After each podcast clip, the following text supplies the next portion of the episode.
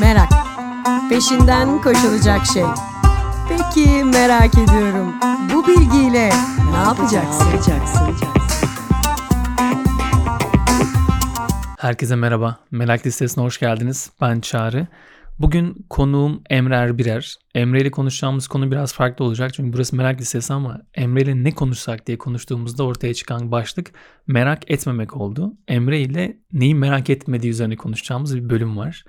Emre'yi böyle tanıtmak istiyorum uzun uzun ama yaptığı şeyleri böyle anlatmayı başlayınca çok fazla vakit alacak. Kısaca aklıma kalanları ben paylaşayım. Sonra da Emre'ye merhaba deyip bölüme girelim istiyorum. Emre kültür yönetim danışmanlığı yapıyor. Espas adında bir e, aslında kendi şirketi var onun kurucusu. Aynı zamanda yazar, öğretim görevlisi ve topluluk oluşturucu, yaratıcı ekonomiyle ilgilenen yani aslında çok fazla şey yapan ve kendisi tanımlarken de bu kadar şeyi de birbirine bağlama olarak da kullandığı şey genelci diyebiliyoruz. Emre hoş geldin. Nasılsın? Hoş bulduk Çağrı. İyiyim. Her şey yolunda. Sen nasılsın? İyiyim ben. Teşekkür ederim. Seni böyle biraz tanıtmaya çalıştım ama çok hani tanıtabildiğimi düşünmüyorum tabii ki. Çünkü seni zaten yakından tanıyanlar fark edecektir onu. Tanımıyorlarsa link aşağıdaki LinkedIn hesabından ya da Twitter'dan baksınlar ne yaptıklarını diye onları da koydum. Onu da söyleyeyim şimdiden. Ama ilk sorum şu olsun bunların dışında. Emre yakın çevresine sorsak hatta yakın arkadaşına sorsak bize 5 kelimeyle nasıl anlatır? Oo, iddialı. 5 kelimenin mutlaka en az 4'ü böyle çift anlama gelebilecek kelimeler olur. Aa, neler olur bunlar? Şöyle inatçı mutlaka olur. Ee, bir oğlak burcu olarak inatçılık hani orada çıkan tanımlardan kelimelerden biri olur mutlaka.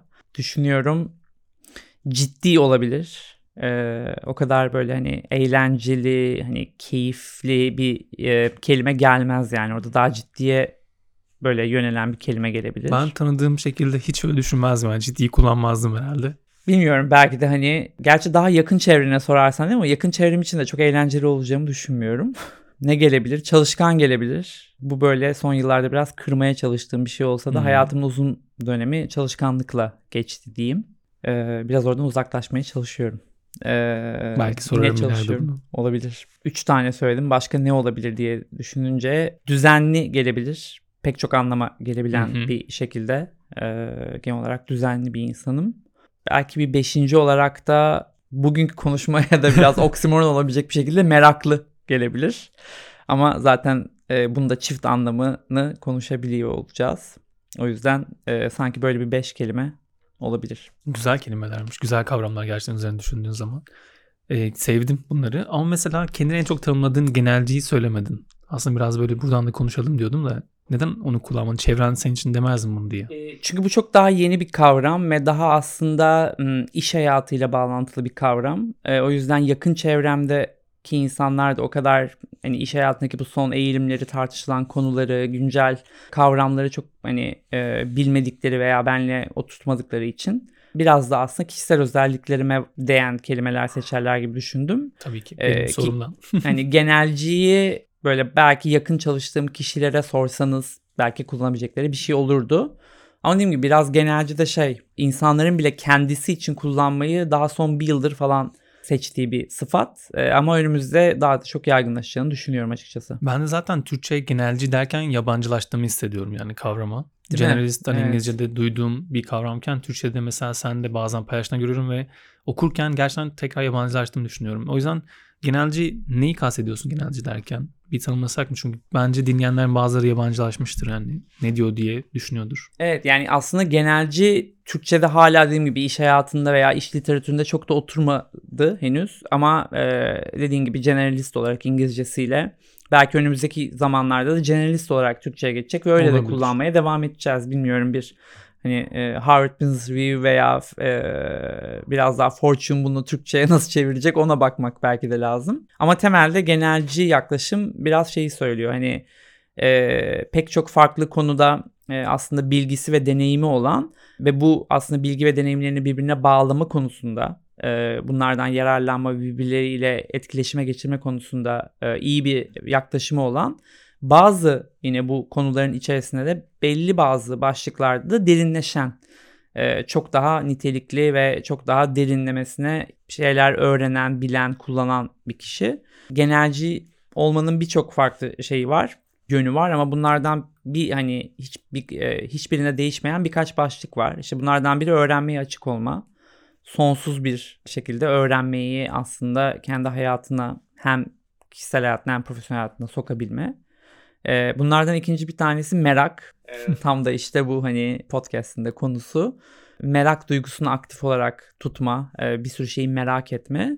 Ve ben onun yanına parantez içinde merak etmemeyi de koyuyorum. Umarım bugün daha detaylı konuşacağız. E, üçüncüsü ise e, aslında e, biraz daha e, denge. Ki bu Hmm. denge konusu da daha önce senin de ilgini çektiğini biliyorum. Bence çok şey konuşabileceğimiz bir konu. Dengeleri iyi sağlayabilmek. Çünkü aslında iş hayatında veya herhangi bir kişisel merakında da o dengeyi doğru korumak çok önemli. Çünkü bir yerden sonra ya e, merak ettiğim bir şeyle ilgili yüzlerce şey var. Hiçbirini okuyamayacağım, inceleyemeyeceğim deyip böyle hani e, depresyona giriyorsun veya işte e, çok farklı yerlere gidiyorsun. Veya aslında bir sürü şey kaydedip e, böyle sonsuzluk içerisinde hiçbirine bakmayıp tamamen yok oluyorsun. Dolayısıyla o Anlattığında ikisi de gözüme canlanıyor. Yani bir tane app işte paketi bölüm öncesinde Evet. konuşurken şey yapmıştık. Ben de kullanmayı başladım. Bir sonra bıraktım. Çünkü o kadar çok şey kaydetmişim ki asla dönüp bakmıyorum. Bir diğeri de aslında o dengede bahsettiğin o sürekli aslında araştırmaya devam etmek. Akademisyen hastalığı diye Türkçe Hmm, böyle çeviri evet, vardı ama ne kadar var. doğru çeviri bilmiyorum. Çünkü hep daha fazlasını buluyorsun. Hep daha fazlası var ve sürekli aslında araştırma yaparken bir şey ortaya çıkartmıyorsun. Şimdi işte buradan dördüncü şeyine bağlayayım hani bir genelcinin bu söylediğin her şeyi yapıyor Ee, ama dördüncüsü aslında işte o aralarındaki bağı kurma e, ve birbirine aktarabilme. Ee, öğrenimlerini, bulgularını, keşiflerini. Anlam yaratan gibi bir şey mi aslında? Ee, Yoksa bağlam yaratan. bağlam aynen bağlam yaratan daha doğru oluyor. Ee, buradan hemen şey somut örneğini vereyim. İlk başlarda aslında ben de inanılmaz bir biriktiriciyim, arşivciyim. İlk başlarda bir bütün e, makalelerimi, raporlarımı, araç kitlerini böyle topladığım tek bir kütüphanem vardı dijitalde. Sonra bunu kategori bazlı ayırmaya başladım. Kategori bazlı ayırdıktan sonra da e, bu kategori bazlı ayırdıklarımın hangileri birbiriyle aslında işliyor, hangilerini birlikte kullanabilirim bazlı bir e, ayırma yapmaya başladım. Dolayısıyla işte böyle kademe kademe bu birbirine bağlama ve bağlam yaratma şeyini yaşıyorsun. E, öyle olunca da şunu yaşamıyorsun. Allah'ım ben bunların hepsini kaydediyorum ama bunların hiçbirini okumuyorum veya okuyacak alanım olmuyor veya bunu kaydettim ama bunu şu an okumalı mıyım? Hayır, onu kaydetmen yeterli. Onu belki çünkü 3 ay sonra bir proje üzerinde çalışırken o anda okuman gerekecek. Yeter ki doğru Kesinlikle. şekilde kaydedebil. Yani hani Evet onu bul. bulabil. Evet aradığını bulabil yani. Ee, veya onu kaydettiğinde sonrasında nereye kullanabileceğine dair bir küçük etiket koy bir şey yap gibi. Gerçekten çok önemli bu arada. Yani dijital tarafta. Ee, Serdar Kuzuoğlu geçen gün işte Evet, LinkedIn'de gördüm. nasıl not aldığını tekrar bir paylaştı ikinci şeyin olarak da. Çok önemli bir şey çünkü gerçekten notunu aldığın zaman bulabilmen gerekiyor. Ben kitaplarda onu denemeye çalışıyorum. Çünkü not alıyorum sonra bulmak çok zor olabiliyor. Evet. Unutuyorsun ama bir taraftan şu bağlam konusunda ben de çok seven birisiyim. Yani eğitmenlik yaparken en çok işime gelen şey birbiriyle alakasız olan şeyler arasındaki o bağları görüp kura- kurabiliyor olmak. Özellikle hikaye anlatıcılarında ben bunu çok görüyorum. Çünkü farklı hikayeler alıp aslında oradaki farklı bir bağlama yönlendireceğin bir şey var ve sanki orada gizli bir yol var. Gizli bir kapı var. Sen o kapıyı açan kişi oluyorsun. O yüzden mesela o bağlamları bulmak beni heyecanlandıran bir şey. Gördüğüm kadarıyla sende de öyle. Evet kesinlikle yani o bağlamlar bir de aslında e, beklenmedik karşılaşmalar işte olması yani. Güzel rastgele, rastlantı, ra- rastsal yürüyüşler gibi bir şey vardı galiba ama tam tabiri doğru kullanmamış olabilirim şu anda. Bu dengeden bahsettik aslında bağlama geldik ama ikincisi meraktı. Ve sen ne konuştuğumuza ben aslında çok fazla şey merak etmiyorum. Ve bunu birkaç kez daha farklı yerlerde denk geldiğimizde de konuşmuştuk. Ama gördüğüm kadarıyla hem genelci olan yapında hem de aslında çok fazla farklı alanlardaki bilginle ki aslında merak ettiğin konularda gerçekten derinlemesine öğrendiğin çok fazla alan var. Yani konuşurken ya da yazdığın şeyleri paylaşmalara baktığın zaman görebiliyorum yani bunu Emre'den bir başkası bu kadar bir araya getiremez diyorum. Şimdi merakım bu kadar yüksekken neden merak etmemek üzerine konuşacağız? E, ya şöyle bir yerden alabiliriz. Evet çok fazla şeyi merak ediyorum ve merak ettiğimde biraz daha o derinleşme çabasındayım. Çünkü dediğim gibi yani yüzeyde kalan şeyler beni mutlu etmiyor. Ee, bir şeylerin yüzeyde kalması benim için çok daha sıradan, sıkıcı ve vasat olması anlamına geliyor. O yüzden biraz daha derinleşme çabasındayım.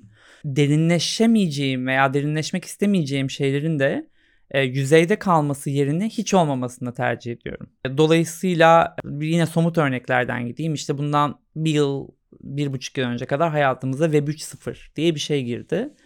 Ve işte o Web 3.0'ın etrafında çok farklı alt başlıklar girdi hayatımıza. İşte blok zincir, kripto para, e, işte metaverse, DAO'lar, işte topluluklar falan gibi. Ve bütün bunlar böyle bir araya geldiğinde işte o Web 3.0'ı oluşturuyor e, diye bir yaklaşım vardı.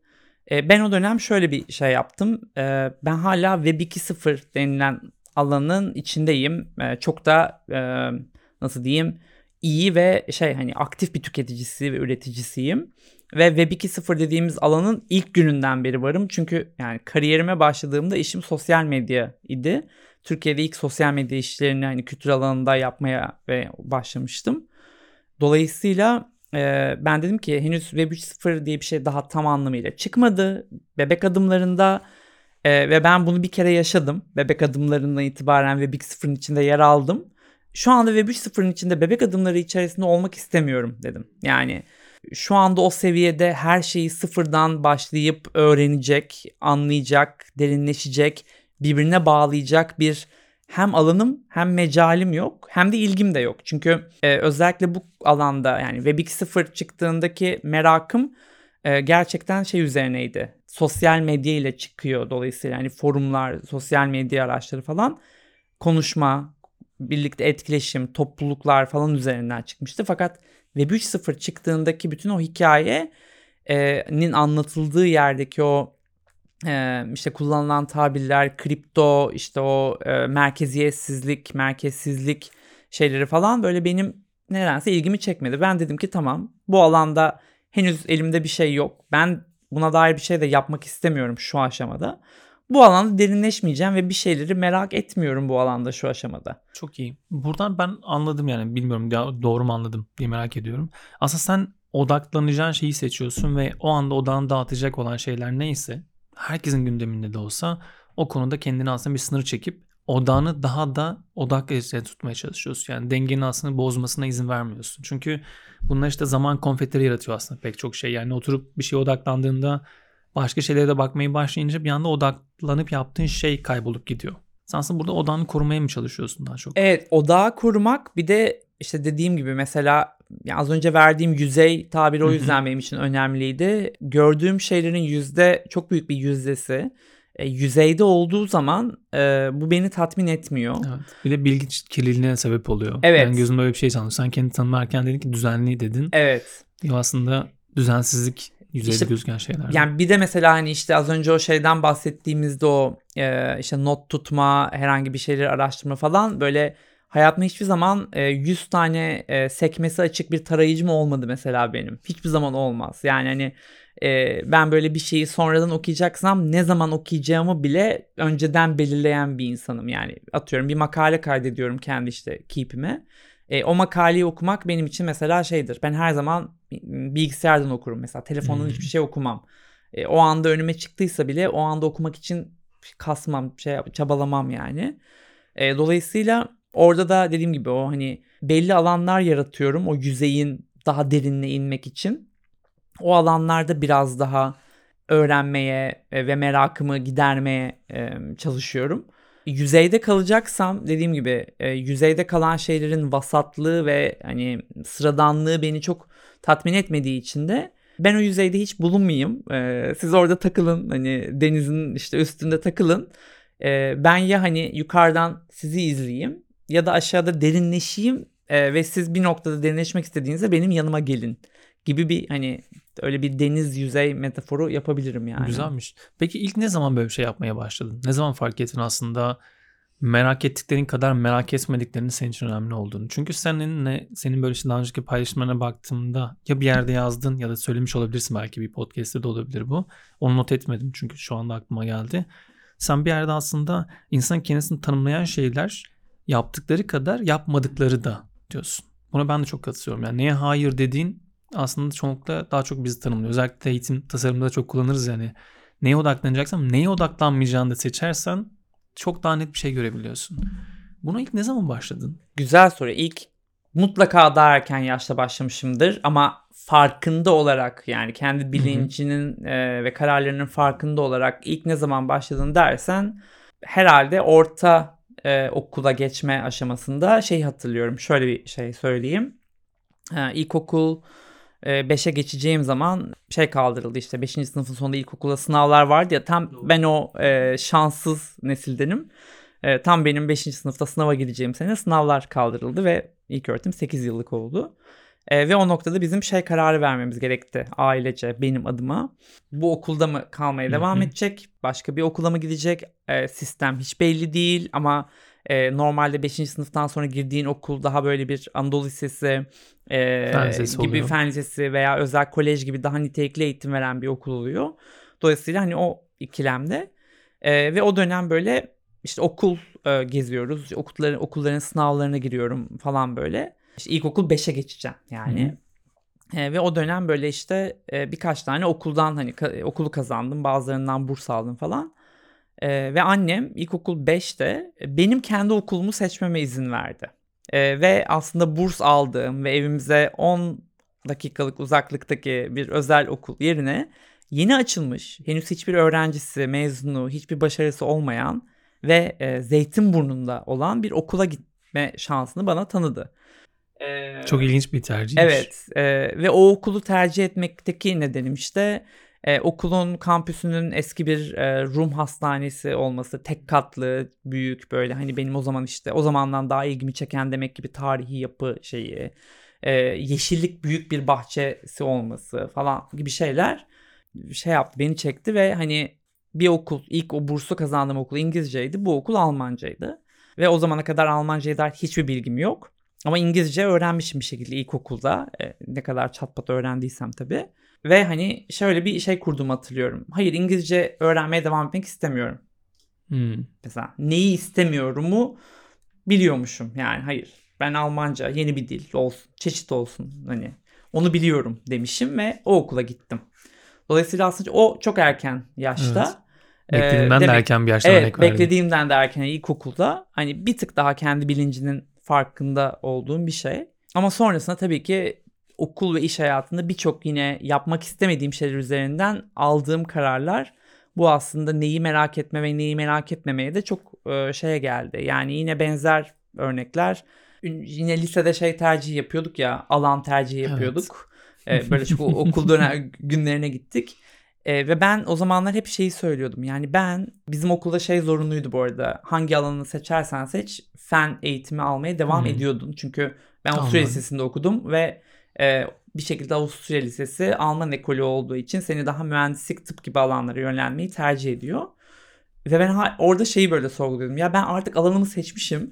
Hani asla mühendislik tıp okumayacağım. Niye hala ben fen derslerini görüyorum şeyini yaşadım mesela. Çünkü hiç merak etmiyordum da. Hmm. Yani hala da söylüyorum. Şeyler beni hiç şaşırtmıyor veya işte e, böyle uzayla ilgili buluşlar ne bileyim işte biyolojideki yeni keşifler, e, fizik alanındaki yeni bir şey yani hiç ilgimi çekmiyor. Açıp bir ne dergiden okumak isterim ne bir videosunu izlerim ne de bir derste görmek isterim. Hani evet böyle bazen işte o zamanlar şeydim böyle bir ortamda bir bahsettiğinde heyecanlı bir şekilde wow diye yalancı bir tepki verirdim. Artık onu da yapamıyorum mesela. Ya güzelmiş burada ya. Neyi istemediğini bilmek gerçekten çok önemli ve çok fazla konuşmuyoruz. Yani mesela hani ailenin o verdiği şans söyledin ya hani çoğunlukla çünkü bir karar verme aşamasındayken ne istediğinin üzerine çok konuşuyoruz ama ne istemediğini konuşmuyoruz. Bu da çok yatsınıyor ben. Çünkü bazı arkadaşlarımla da konuşurken mesela hani bir şey karar vermek istiyoruz. Tamam okey istediğimizi karar veremek. Ne istemiyoruz konuşalım. Ne istemediğimizi konuşalım ki olarak geliyor bu tepki. O yüzden ve bu gerçekten şaşırtıcı bir şey aslında. Ne istemediğimizi konuşmadığımız için de ne isteyeceğimizi aslında bilemiyoruz. Çünkü birilerinin hep bizim için söylediği, düşündüğü şeyleri, toplumun çok fazla anlattığı şeyleri alıp sanki bizim şey istediğimiz gibi kullanmaya başlıyoruz. Tam bununla ilgili bir şey söylesem aslında senin de çünkü paylaştığın bir içerik üzerinden şey yapacağım. Neyi merak ettiğimiz de son yıllarda özellikle e, bence daha çok toplum ve markalar üzerinden e, şey yapıyor, şekillendiriliyor. E, bu da bunu da ilk böyle yani bu kadar derinlemesine düşündüğüm alan aslında birkaç e, hafta önce e, bu senin de üzerine şey paylaştığın, paylaşım yaptığın e, bu Titanic'i görmeye Hmm, giden Ocean e, Gate. Ocean Gate denizaltı olayı. Tam da işte o o dönem önüme Twitter'da, Instagram'da, YouTube'da her yerde bu çıkıyor. Ve hiçbirini okumuyorum, izlemiyorum. Yani çünkü hiç ilgimi çekmiyor yani. Hı hı. Asla merak etmedim mesela yani. Bana ne insanlar Titanic'i bakmaya gitmişler. Orada da deniz altlarında bir şey olmuş ve ölmüşler. Yani hani hiç ilgimi çekmiyor. Hı hı. Hiç de merak etmiyorum ama ben merak etmememe rağmen her yerden Maruz önüme düşüyor. kalıyorsun. Maruz kalıyorsun. O yüzden de aslında tekrar e, şeyi söylüyorum. Yani neyi merak ettiğimizi ben kişisel olarak daha kişisel tutmaya çalışıyorum. Yani toplumun, markaların, kurumların, e, etrafımdaki insanların bana dayattığı şeyler değil. Yani herkes Ocean Gate'e odaklanmış ve oradaki ne bileyim e, deniz altındaki insanların hayatını merak ederken ben o dönem işte e, yaptığım bir hani araştırma için bir proje için yaptığım bir araştırma için Afrika'daki kabilelerin öğrenme sürecine bakıyordum. Yani ben onu merak ediyordum o dönem. Ve kimse onu merak etmese de onun üzerine araştırma yapıyordum. Ama şey çok enteresan mesela ben onu araştırmama rağmen önüme o sosyal medya platformları onunla ilgili bir şey düşürmüyor. Düşünmüyor. Evet. Yani o çok zaten algoritmaların bizi yankı odasında tutma şeyi çok fazla var. O yüzden merak etme konusu çok zorlayıcı. Yani ben de mesela uzun zaman boyunca merak etmediğim şey çok netti. Yani benim de var. Ve diyorum ki bunları asla merak etmiyorum. Bir, çok zamandan beri magazinle ilgili bir şeyim var. Yani ünlülerin hayatlarına dair bir şey görmeyi çok istemiyorum. Sosyal medya düşürüyor ama. İster istemez bir anda kendimi kısmetse olur izlerken buluyorum. Yani diyorum ben bunu merak etmiyorum yani. Bununla ilgili bir şey yapmayacağım.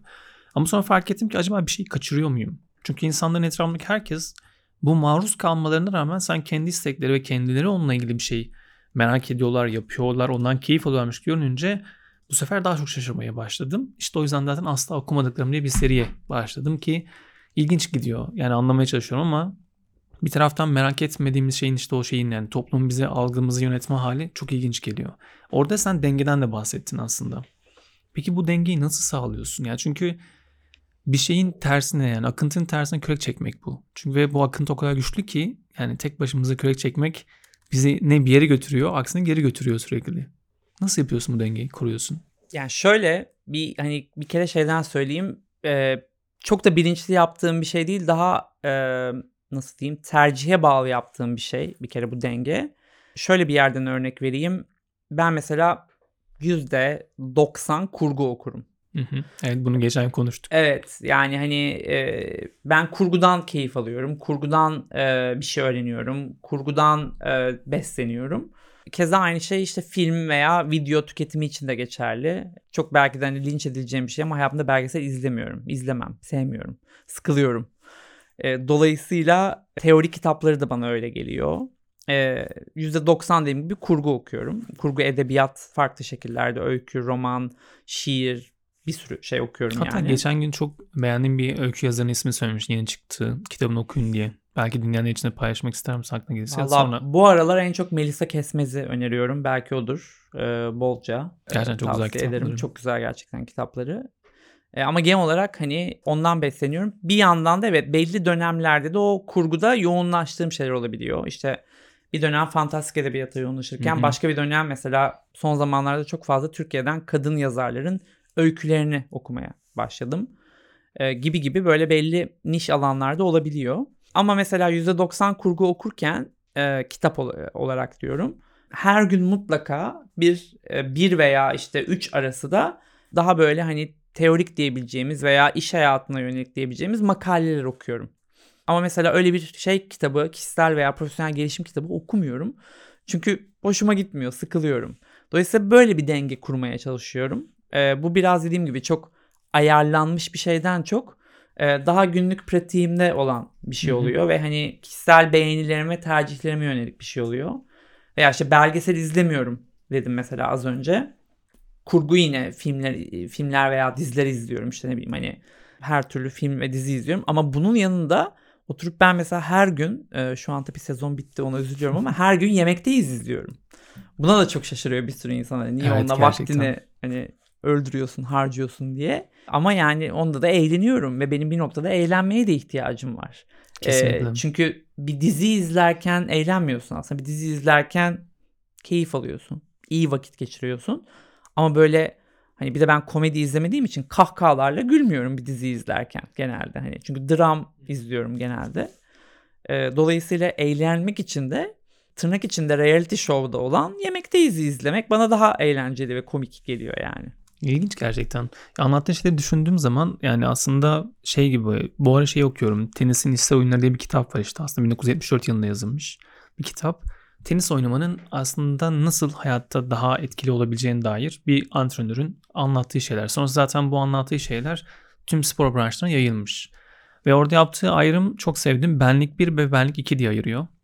Benlik 2'nin otomatik otomatik olarak yaptığımız davranışlar olduğunu söylüyor. Yani aslında bir sporcunun ya da işte çok iyi çalışan senin odaklanmak dediğin şey de ben ikide olması gerektiğini söylüyor. Yani bir şey yaparken düşünmemesi gerektiğini söylüyor. Çünkü düşünmeyi başlarsan onu bozarsın diyor. Sen eğer bu topu nasıl vuracağını düşünmeyi başlarsan o topu vuramazsın. Sen zaten onu hissedip kendin zaten karar vereceksin. O yüzden yaptığı taktikleri söylüyor. İşte oyuncusuna ayağını konsantre ol diyormuş. Top geldiği zaman ayak konsantre olduğu zaman topa daha iyi vuruyor gibi. Ve bunu da aslında günlük hayatımıza da aktarıyordu. Senin biraz önce verdiğin örnekte hani ben aslında bunu bilinçli olarak yapmıyorum derken aslında sen bunu benlik ikiye atmışsın. Yani neyi merak etmediğinden çok neyi yaptığını otomatik olarak karar veriyorsun ve bir süzgeçten geçiyor senin anladığım kadarıyla. Otomatik olarak bunu yapıyorsun. Evet bu süzgeç çok doğru bir tanım oldu. Süzgeç hazır sen süzgeç olarak kullanmışken oradan bir mutfak e, şeyine daha Yemekteyize ben de geri dönelim. oradan bir mutfak e, analizine geri döneyim. Bu denge konusuyla ilgili birkaç ay önce bir makale yazmıştım ve iş yaşam dengesi denilen şeye karşı çıktığım üzerineydi. E, çünkü iş yaşam dengesi dediğinde e, yine biraz içimdeki editör ve yazar da burada ortaya çıkıyor. Arasına bir tire koyuyorsun ve ikisini eşdeğer olarak görüyorsun. Ve bu da aslında yine çok büyük bir kapitalist sistemin dayattığı bir şey oluyor. Hani işin yaşamının öyle bir eşitlensin ki ona gereğinden fazla değer ver ve yaşamınla onu eşitlemeye çalış gibi. Hatta artık yaşamdan daha önemli, daha fazla gibi vaktini alıyor çünkü. veya işte. E, dolayısıyla iş yaşam dengesi denilen şeye karşı çıktım. Bana göre bir yaşam dengesi var, bir insanın dengesi var ve bu insan bu dengede neyi ne kadar koymak istiyorsa o ve bunu bir pasta gibi hani görüyorum dedim işte yemek mutfak şeyini oradan gidelim. O pastada neye ne kadar yüzde verdiğin e, senin elinde ve aslında onu yaparken de o yüzdeler de sabit değil. Zamanına göre değişebiliyor. Yani atıyorum hep şeyi söylüyorum işte e, ben köpek sahiplenmeden önce bir iki yüzdem atıyorum diyelim işle ilgili yüzdem yüzde 50 iken köpek sahiplendikten sonra o köpeğin yürüme saatleri ve sabitliği dolayısıyla o %50 %30'a düşebiliyor. Aynı şey çocuk yapan biri için de geçerli olabilir.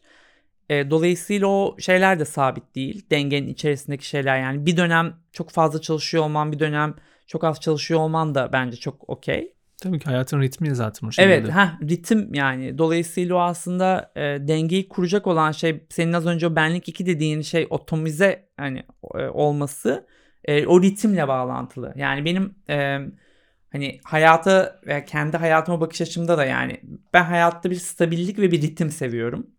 E, inişli ve çıkışlı şeyler sevmiyorum. E, öyle çok büyük heyecanlar veya çok büyük değişiklikler sevmiyorum. Hayatımın belli bir ritimde olmasını ve belli bir stabilitede olmasını seviyorum. Biraz aslında o merak etme merak etmeme de belki onunla bağlantılı. Çünkü neyi merak ettiğim dediğim gibi bir şeyi merak ettiğimde yüzeyin altına inmek istediğim için bu ekstra bir çaba sarf ettiriyor. Daha fazla okuman, incelemen, araştırman, sorman, tartışman gerekiyor. E, ve bunu yapamayacaksam, o anda buna dair bir alanım yoksa onu park etmeyi tercih ediyorum. Çünkü onu yaparken e, o stabiliten ve ritmin bozulacak. Diyorum ki o stabiliteden ve ritimden oradan çıkan bir şey olduğu zaman ben bunu park yerinden geri oraya sokacağım ki ritmim bozulmasın. Evet, bu yine süzgeç şeyine geliyor. Bu çok önemli bir şey ya. Evet. Odaklanmak çünkü. Gerçekten sanırım şu anki en çok konuştuğumuz konulardan bir tanesi. iş hayatında da, günlük hayatımızda da odaklanma becerisi. Yani sosyal medyanın bunun konuda bizi kırdı çünkü. İnanılmaz yere düştü. Bir şeye odaklanıp onunla ilgili derinlemesine gitmek çok zor. Ama bir taraftan da şeyle konumuza tekrar böyle merak etmemek tarafına çekmek istiyorum. Mesela senin bu yaptığını anlattığın kadarıyla aslında çok uzun zamandan beri yaptığın için artık bu senin hayatında normalleşmiş. Yani sen aslında neyin merak ettiğini çok net bir şekilde söylediğin gibi fark ediyorsun bazı şeyleri çok merak etsen bile zamanını bekliyorsun. Ki bence çok önemli bir şey. Demlenmesi de gerekiyor bazı şeylerin. Bunu da getiriyor bir taraftan ve o da büyük ihtimalle senin zihninde bağlam kurmayı da kolaylaştırıyor. Sonuçta o bağlamları da kurarak bunu sağlıyorsun. Peki merak etmemesi için insanlar neler yapabilirler? Yani çünkü biraz önce konuştuğumuzda çekeceğim o toplum tarafından ya da işte sosyal medya tarafından ne dersek üzerimize neyi merak edeceğimiz boca ediliyor. Oradan sence insanlar nasıl kurtulabilir? Şimdi burada hemen yine yakın zaman içinde yaptığım bir şeyden referans vereyim. Bir e, etkinlik için e, Buzzword Bingo diye bir e, egzersiz e, kullanacağım. E, bu hani benim ürettiğim egzersiz değil, halihazırda olan bir egzersiz. Bir işte insanlara çeşitli buzzwordlerin yer aldığı bir şey veriyorsun. Böyle bingo kartları vardır ya oyun. Ondan Hı hı. veriyorsun. E, ve sonra bir konuşma yapılırken, bir tartışma yapılırken her buzzword kullanıldığında o bingo karttan üstüne işaretliyorlar ve insanlardan biri bingo yaparsa kazanıyor. E Şimdi hayatımız çeşitli buzzwordler etrafında kurulu ve aslında sosyal medya ve popüler kültürde bunu şey yapıyor, destekliyor. O veya destekleyecek nitelikte şekilleniyor diyeyim.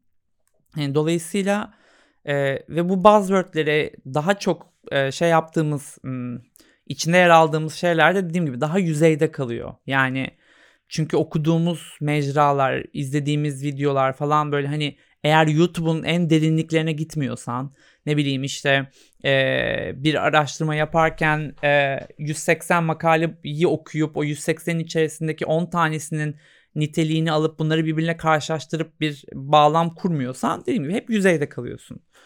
Dolayısıyla e, merak etmemek için e, bence insanların ilk yapması gereken şey yüzeyde kalmak ne kadar iyi, benim için doğru mu, bazı insanlar için doğru da olabilir, e, bana yetiyor mu veya bana ne getiriyor veya benden ne götürüyor gibi soruları sorması gerekiyor. Bana bu şey hatırlatıyor. Yani evin dağınık kaldığı zaman bazen ben de düzenli olmayı seven bir insanım. Ama dağınık kaldığı zaman bazen dağınık kalması izin veriyorum. Bir şeylerin yüzeyde kalmasına. Ama sonra oturup hepsini tekrar düzenlemek gerekiyor. Düzenlerken de sadeleşmek, belli şeyleri de atmak gerekiyor artık. Hani birikmiş ama Hmm. boş boşuna biriktirmişim orada yani onlar. Böyle bir zaman ayırmak iyi geliyor. Bunu Evet yani burada işte mesela o merak etmeme ve yüzeyde kalmayı yine şöyle şey yapayım. Şimdi o buzzwordlerden örnek verdim ya yani o buzzwordlerin e, hepsinin bir kere böyle yalan veya böyle işte gereksiz olduğunu düşünmüyorum. Yeter ki içini doldurabilecek nitelikte bilgimiz, deneyimimiz ve içgörümüz olsun. E, dolayısıyla önemli olan o buzzwordleri kullanmak veya kullanmamak değil. O buzzword'ü kullanırken arkasını, içini, altını neyle doldurduğun. Dolayısıyla ben eğer dolduramayacaksam hiç konuşmam daha iyi diyorum. Ee, örnek vereyim işte mesela atıyorum bana çok fazla böyle konuşma veya moderasyon davetleri geliyor. Diyorum ki yani bir, birçoğunu da reddediyorum bu arada. Ee, yani yaptığım kadar bir o kadar da reddettiğim var diyeyim. Ee, yani evet ben belki moderasyon yapıyor olabilirim ama bu davet ettiğiniz konuda inanın hiçbir şey bilmiyorum. Veya inanın hiç merak etmiyorum. Ee, o yüzden benim burada konuşmacı veya moderatör olmam doğru değil diye reddediyorum. Bu çünkü çok zor bir şey. Çünkü insanlar hep görülmek ve egomuzun da şeyi var ya orada. bir tarafı görülmek ve ego bir tarafı da insanlar insanları kıramıyor. Çok fazla bunda duyuyorum. İşte aman o etkinliği arkadaşım yapıyordu Kesinlikle. ona gitmeyi kıramıyorum falan. Yani ya kırılacak, gücenecek bir şey yok yani. Hani ben hatta şey de yapıyorum. Bakın bunu ben yapmayayım ama bunu yapabilecek çok iyi birini tanıyorum. Onu önereyim Değil mi? size diyorum. Burada işte hep şey var yani hayırla aslında Evet. çok fazla seçenek açıyorsun. Evet sadece tek seçenekte Evet. kalıyorsun. Ne kadar güzel söyledin bu arada. Çok sevdim bu şeyi lafı. E, dolayısıyla orada şey var. E, kendimle de çok o anlamda barışık olduğum için bunu yazar veya bunu söylerken hani bu benim haddime değil Hmm. Diyorum yani. Haddini Türkiye'de bilmek. çok duymadığımız bir şey bu. Evet yani Biz son dönemde bunu çok kaybettik. çok ne yazık ki kaybettim. Herkes mesela girişteki şeye de bağlayayım. Generalist dediğimiz zaman işte genelci dediğimiz zaman sanki herkes televizyon programlarına aynı konu aynı konukların her konuyu konuştukları bir program gibi geliyor. İşte aslında bunlar generalist değiller yani genelci değiller. değil. Onlar yüzeydeki belki de sadece küçük bir şimdi doğru tabir olmayacak o kişilere de şey yapmayayım linç yemeyeyim falan ama hani o çöpleri karıştıran kişiler gibi geliyor bana yüzeyde. Ya Yani çünkü derinlemesine bir şey bildikleri yok. Çoğu konuda hiçbir şey de yok. Ama işte orada aslında genel dediğin şey de biraz daha aslında neye hayır dediğini çok iyi bilen, değerlerinin çok farkında olan ve bilmediğinin çok farkında olan kişi. Buna da eklediğimiz şeydi seninle beraber merak etmediği şeyleri de çok net görebilen kişi. Bu da öz farkındalığı çok yüksek birisi demek oluyor. Bu da çok az görüyoruz artık. Evet yani bu biraz öz farkındalığı yüksek doğru bir şey oldu. Çünkü gerçekten öyle benim için en azından kişisel olarak ben de bunu hissediyorum. Ama burada böyle şey oluyor bazen mesela sen az önce bu tenisle ilgili kitaptan da bahsettiğinde şey yaşadım. Ya evet mesela bu bahsettiği şeyi ben de deneyimledim. Ama ben bunu mesela bir kişisel gelişim veya profesyonel gelişim kitabı okuyarak öğrenmedim. Ben bunu X bir hayat tecrübesinden öğrendim. Ama biri bunu çerçevelediği zaman aşırı mutlu oluyorum. Ben de. Hani- Zaten bu kitap 74 Evet. yazıldığını görünce Ha, nasıl hani ya? Hani biri bunu çerçevelediği zaman çok mutlu oluyorum. Aynı şey generalist kavramıyla şey yaptığımda da ilk tanıştığımda da böyle oldu. Evet ben hani yıllardır böyleyim. Bunun hakkında çeşitli şeyler konuşuyorum, anlatıyorum ama iyi ki biri bu kelimeyi bulmuş ve bu tabiri bulmuş diyorum. Dolayısıyla hep genelde insanlara veya işte çok fazla mentorluk yapıyorum hani. Mentorluk yaparken söylediğim şey bireyin kendisine neyin iyi geldiğini buluyor olması gerekiyor. Bu beni, bir şeyin bana iyi gelmediği e, veya benim bir şeyi merak etmiyor olmam karşımdaki kişinin e, aynı şekilde aynı şey yaşayacağı anlamına gelmiyor. Hani benim merak etmemem tam tersi belki senin merak etmen için bir unsur veya X bir şey yapmak bana iyi gelmiyorsa sana çok iyi geliyor olabilir. Yani e, profesyonel gelişim kitapları okumak sana çok iyi geliyorsa ve hayatını belli bir yere şey yapıyorsa tabii ki onu yap. Ama şey pompalanmasından çok rahatsız oluyorum. Burada hani selam da gönderelim e, Ekin onarım atölyesine Ekin'in böyle çok fazla kullandığı bir şey vardır. E, tabir de vardır. Bak şimdi kelimesi de aklıma gelmiyor. E, makbul. Heh. Makbul aktivist, makbul e, işte şey sivil toplumcu, e, makbul içerik üreticisi falan gibi böyle o makbul olma şeyi. Herkesin zihninde bir makbul var ve o makbul tek bir şekilde oluyor gibi. Dolayısıyla buradan biraz da çıkıyor olmak gerekiyor. Ben buna karşı duruyorum. Yani bunun bana iyi gelmemesi sana iyi gelmeyeceği anlamına da gelmiyor. Veya senin bunu merak etmen herkesin bunu merak etmesini de gerektirmiyor gibi. Kesinlikle. Zaten herkes iyi ki herkes çok farklı şeyleri merak ediyorlar. Yani sen biraz önce bahsettiğin o Afrika'daki bir kabilenin öğrenme şeyine baktığın zaman sen onu merak ediyorsun ki belki de çok daha az kişi onu merak edecek ama oradan bir şey çıkıyor. Ya ben bunu o yüzden seviyorum. Yani insanların merakları gerçekten birbirimizin hepimizin farklı.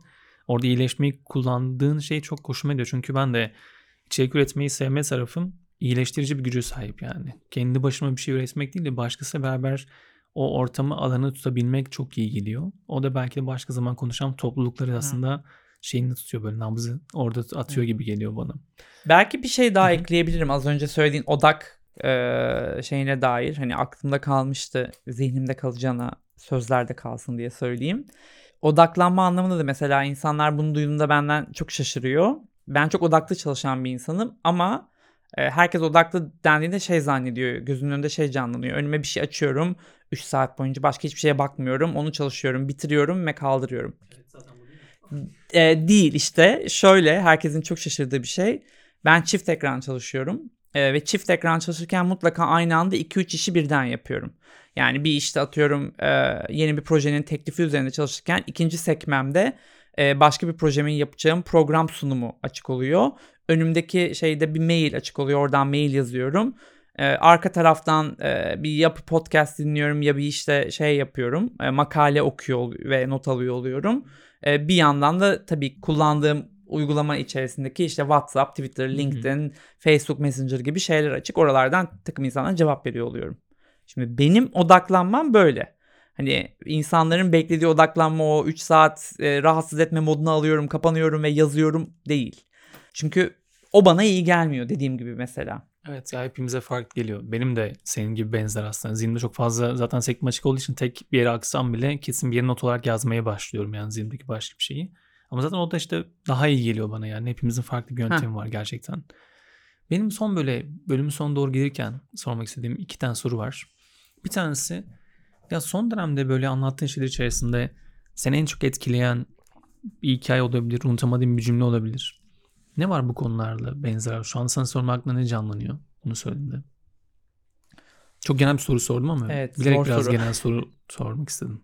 Yani şöyle bir şey var dediğim gibi hani e, derinleşme dedim ya az önce. Hı hı. Bir yandan da işte e, geçenlerde yine kim paylaştı hatırlamıyorum ama böyle YouTube'un derinliklerindeki çeşitli videoları paylaştı. E, Orhan geçen gün paylaştı öyle bir tane video. Ee, köyleri gezip köyleri tanıtım yapan. evet ben tamam. Oradan, şok oldum Evet, ve o- izledim Tamam okey. Demek ki aynı içerik üstümüze düşmüş. E, hatta reklam oluyor. İşte sizin köyünüze de gelebiliriz falan diyor. Almanya'daki Ha. gurbetçilerden Evet reklam aynen parasını onlar alıyor. en çok o şeyi yapıyormuş. Aynen. Ha. Tam olarak bu tip şeyler benim çok ilgimi çekiyor. Neden? Çünkü aslında hani e, içerik dünyasında da o kadar hani yüzeydeki içerikler görünüyor, pompalanıyor, destekleniyor, algoritmalarla önümüze çıkarılıyor ki derinlerdeki şeyleri göremiyorsun. E, dolayısıyla ben özellikle işte biraz daha o derinlere nasıl inebilirim? Görünmeyeni görünür kılabilirim veya işte benim aslında o kadar da farkında olmadığım şeylerin farkına varabilirime odaklanmaya çalışıyorum biraz daha. E, bu biraz daha aslında kendime koyduğum, e, not ettiğim, pinlediğim şeylerden biri. Hani bir şeyi araştırırken artık daha önüme ilk çıkanlardan, yüzeydekilerden e, uzaklaşmak için e, farklı yerlerden onu araştırmaya çalışıyorum. E, bu da biraz aslında şeyle ortaya çıkıyor. E, anahtar kelimeyle araştırma yaparsın ya. Ne olursa olsun akademik Hı hı. araştırmada da şeyde de. Anahtar kelime yerine sorular e, veya anahtar kelimenin yanına koyduğun diğer kelimelerle bağlamlarla ana e, arama yapmaya e, itiyor beni. O yüzden yakın zamanda yaptığım bütün aramaları bu tip aramalar olarak hani söyleyebilirim. Güzelmiş. Gerçekten çok şey ama önemli çünkü ya zaten Google'ın ilk 3 sayfasında bulacağın şeyleri içerisinden bir şey ürettiğin zaman zaten herkesin Evet. ilk gördüğü şeyi üretiyorsun. Yani Evet. yüzeyde kalıyorsun. O yüzden çok önemli. O zaman son sorumu sorayım mı? Tabii ki. Bu bölümü dinleyen kişi sence bölümden hangi cümleyle ya da soruyla ayrılsın? Soru ve cümleyi biraz daha düşüneyim ama belki şöyle bir ödevle ayrılabilir. Hmm. Öğretim görevlisi Emre. evet içimdeki hoca çıktı. Şöyle bir kendilerine ödevle ayrılabilirler. Son kaydettikleri işte video, makale, kitap, rapor e, böyle 10 tane 15 tane baksınlar. Kategorileri ayırsınlar ve bunlara bir derinlik seviyesi versinler. Bu okuduğum şey derinlik seviyesi 8. Bu okuduğum şeyin derinlik seviyesi 2. E, bu kategorilerden bu işte atıyorum 6 kategoride bir şey kaydetmiş. Aslında 4 tanesi hiç benim ilgimi çekmiyor ama sadece önüme çıktı veya herkes bunu konuştuğu için bunu tüketmişim. Ama bu ikisi çok ilgimi çekiyor. Gibi böyle bir hani şey yapsınlar. Hani e, değerlendirsinler bir öz değerlendirme gibi. Ve sonra e, bunların ne kadarını e, kullanacağım. Bundan sonra kullanabilirim. Ne kadarını aslında hani bilmesem de olurmuş diye böyle bir şey yapsınlar. Belki böyle hani biraz daha neyi merak etme ve etmemeye gidebilirler. Yani çünkü hep söylediğim bir şey var. Yani hani bir, bir tık yani şimdi hoca öğretim görevlisi personam bunda çok oksimoron olacak ama öğretim hayatım boyunca öğrendiğim şeylerin e, %80'ini hiç kullanmıyorum. Yani gerçekten kullanmıyoruz. Hiçbirimiz kullanmıyoruz. Kullanmıyoruz. %80 yine iyi bir Evet. oran bence. Belki hani daha da yüksek bile olabilir yani. Ee, ve aslında bunları öğrenmek yerine çok başka şeyler öğrenmiş olmayı dilerdim. Ee, çok farklı şekillerde öğrenmiş olmayı dilerdim. Ee, bu kadar öğrenmeyi seven, önemseyen biri olarak kendi öğrenmemi çok daha erken yaşta kendim kürasyonunu yapıyor olmayı tercih ederdim. O yüzden biraz daha e, hani az önce sen de dedin aslında çok kısıtlı vaktimiz var ve çok değerli. E, o ben o değerli vakti işte aslında hiç merak etmediğim ama zorunluluktan önüme çıkan e, şeyleri tüketmek yerine onu yapacağıma gider yemekteyiz izlerim daha iyi ya. Böyle bitireyim ben de. en azından eğlenirim, gülerim falan. Güzel ya. Ki onu izlerken de elimde telefonda başka bir şeylere bakıyor oluyorum yani. Tabii ki zaten arka planda onları yakalayabiliyoruz yani bu şey gibi yaz dizileri yani 10 bölüm Evet. kaçırıyorsun ama 11. bölümde döndüğünde Hiçbir şey değişmemiş değil mi? oluyor. Yani o patronla o kız yine asansörde bir yerde karşılaşıyorlar. Hepsi birbirine aynı diziler. Zaten dizi de değiştirsen de fark etmiyor artık. Emre çok teşekkür ederim. Gerçekten çok keyifli oldu. Özellikle merak sitesinde merak etmemek üzerine konuşmak ve neden aslında bunun çok önemli olduğunu e, altın çizmen çok çok değerli geldi bana. Çünkü gerçekten e, anlattığın şeyler işte denge, odak ve merak etmeyeceğim şeyi çizmek ve bunları aslında değerlerimizi konuşan şekilde tuttuğumuzda çok daha biz olabiliyoruz. İşte otantik kendimizi bulacağımız bir yol açıyor. Benim için bu bölümün ana noktası bu oldu aslında. Hiç konuşmadık otantiklik ama aslında bunu doğru götüren bir şeyi sağladı. O yüzden çok keyif aldım. Otantik halimizi bulmak için bence harika bir rehber olduk. Sonunda anlattığın özet ödevde ben tam bunun için böyle yapı taşlarını dizmek için güzel bir alıştırma olacak. Çok teşekkür ederim. İyi ki katıldın. İyi ki burada konuştuk ve iyi ki konuğum oldun. Ben de çok teşekkür ederim. Özellikle otantik benlikle bitirmen de bana çok iyi geldi. Bu da çünkü benim çok e, savunucusu olduğum alanlardan biri. Çok teşekkürler tekrar. Ben Çağrı. çok teşekkür ederim. Yorumlarınızı bekliyoruz hep beraber. Merakla kalın.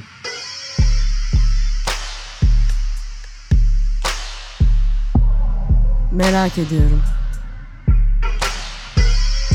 Sen de merak ediyor musun? Neyi merak ediyorsun? Meraklı biri misin? Merakını nasıl gidereceksin?